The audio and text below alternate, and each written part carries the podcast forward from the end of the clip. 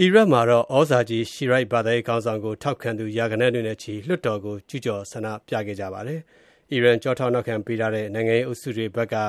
နောက်အစိုးရဖွဲ့ဖို့ရှိတာကို ဆန့်ကျင်ပြီး ရှီးရိုက်ဘာသာရေးခေါင်းဆောင် Muqtada al-Sadr ကို ထောက်ခံသူတွေက ဒီအပတ်ထဲ ဒုတိယအကြိမ်အဖြစ် ဒီနေ့ ဝင်ရောက် ဆန္ဒပြခဲ့ကြတာပါ။လုံခြုံရေးတပ်တွေဘက်ကတော့ မျက်ရည်ယိုဓာတ်ငွေ့တွေနဲ့ အသံဗုံးတွေကိုသုံးပြီးခုလို ဝင်ရောက်ဆန္ဒပြသူတွေကို ပြန်တွန်းထုတ်ဖို့ ကြိုးပမ်းခဲ့ရာမှာ အများအပြားဒဏ်ရာတွေ ရသွားခဲ့ကြပါတယ်။ ဒါပေမဲ့အဲ့ဒီအချိန်လွှတ်တော်ထဲမှာအမတ်တွေမရှိဘဲလွှတ်တော်အစည်းအဝေးကျင်းပဖို့လည်းမဖြစ်မြောက်ခဲ့ပါဘူး။ဗုဒ္ဓဟူးနေ့တုန်းကလည်းထောင်ဂဏန်းတွေချီတဲ့အလားတူဆန္ဒပြသူတွေလွှတ်တော်ထဲဝင်ရောက်ခဲ့ကြပါသေးတယ်ခင်ဗျာ